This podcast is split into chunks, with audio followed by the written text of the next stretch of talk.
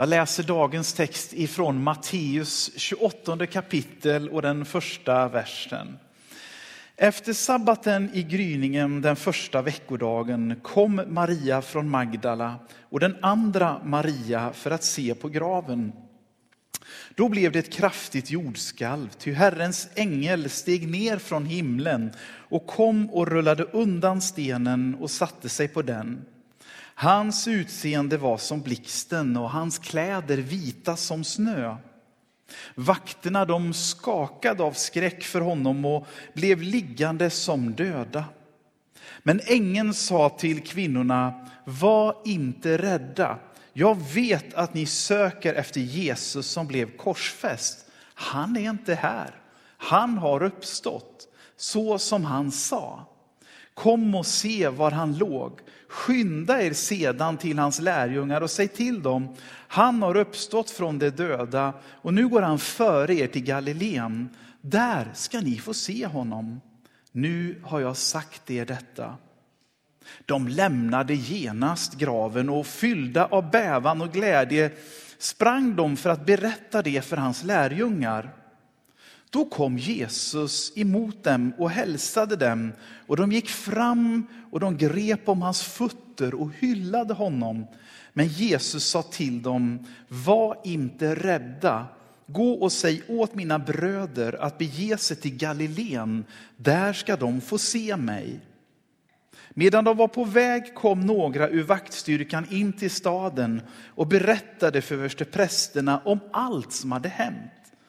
Dessa överlade med de äldste och sedan gav de soldaterna en stor summa pengar och sa till dem, säg att hans lärjungar kom under natten och rövade bort honom medan ni sov. Om ståthållaren får höra det ska vi tala med honom så att ni inte behöver oroa er. Soldaterna de tog pengarna och gjorde som de hade blivit tillsagda. Så vann detta rykte spridning bland judarna ända till denna dag.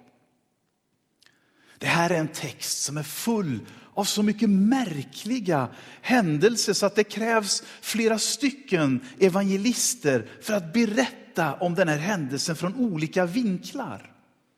När man jobbar med räddningstjänst eller man ska utreda ett brott och kommer fram till en olycka så har ju alla som har varit med i den där olyckan olika bilder av vad som har skett och säger, ja men bilen kom från det hållet fast jag tyckte att hon cyklade ut före bilen kom och nej, bilen kom före cykeln. Och så står de som ska reda ut den här situationen och hör en massa olika berättelser, olika tårtbitar av samma tårta. Som vi skulle skära så här, så skulle den berättelsen berätta lite om det, den lite om det, och den lite om det, och den lite om det.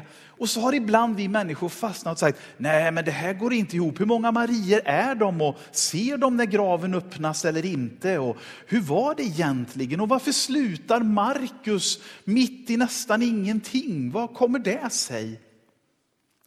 Och då är det jättebra att ta till en läsning som kallas för Lectio Divina.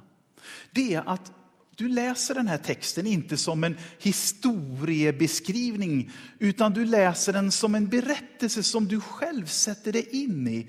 Tänk att du går med Mariorna den här morgonen. Tänk att du är den rädda lärjungen som har gömt dig. Tänk att du är den där vakten som nu inser att jag som är tränad för krig får plötsligt uppleva någonting som jag inte kan förklara och nu säger de som är mina chefer att om du bara håller käften så betalar vi dig bra och sen så ljuger vi så länge det går.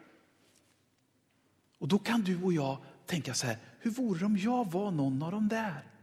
Om jag hade en liten bit av tårtan och så får jag höra alla andras berättelser sen. Jag får höra Matteus och Lukas och Mariornas berättelse och Emmausvandrarnas berättelse. Och jag får höra alla de där historierna och plötsligt så förstår vi hur viktigt det är att inte läsa Bibeln som en slags uppslagsbok eh, där det timme för timme berättas exakt vad som hände, utan där massor med olika upplevelser kring en tom grav plötsligt vill berätta, men vi såg det här, vi upplevde det här, vi har den här berättelsen. Ja, men jag kom från det hållet och jag såg detta.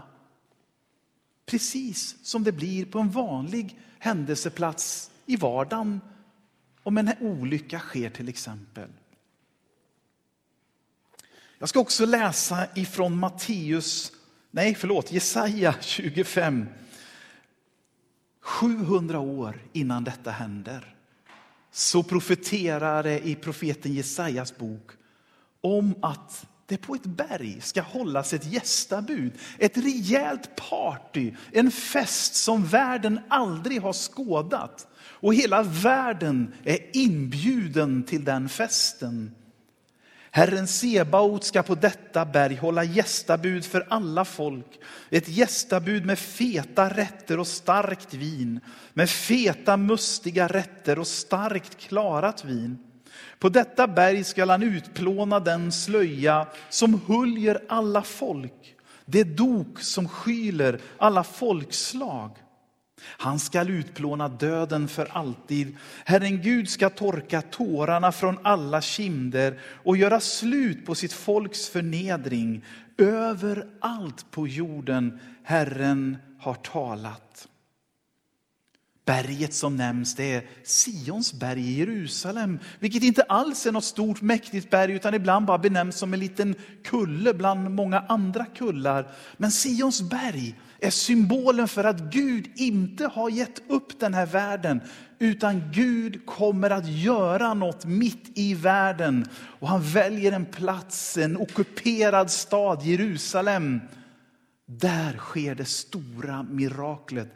Där öppnas dörren för hela världen in i jordens största fest. Och Hebreerbrevet som du kan läsa när du kommer hem fortsätter och berättar om att du och jag som kommer till tro på Jesus, vi kommer till det här partyt. Vi kommer till den här festen. Den festen som har sitt ursprung i att graven den här söndagsmorgonen är tom för alltid.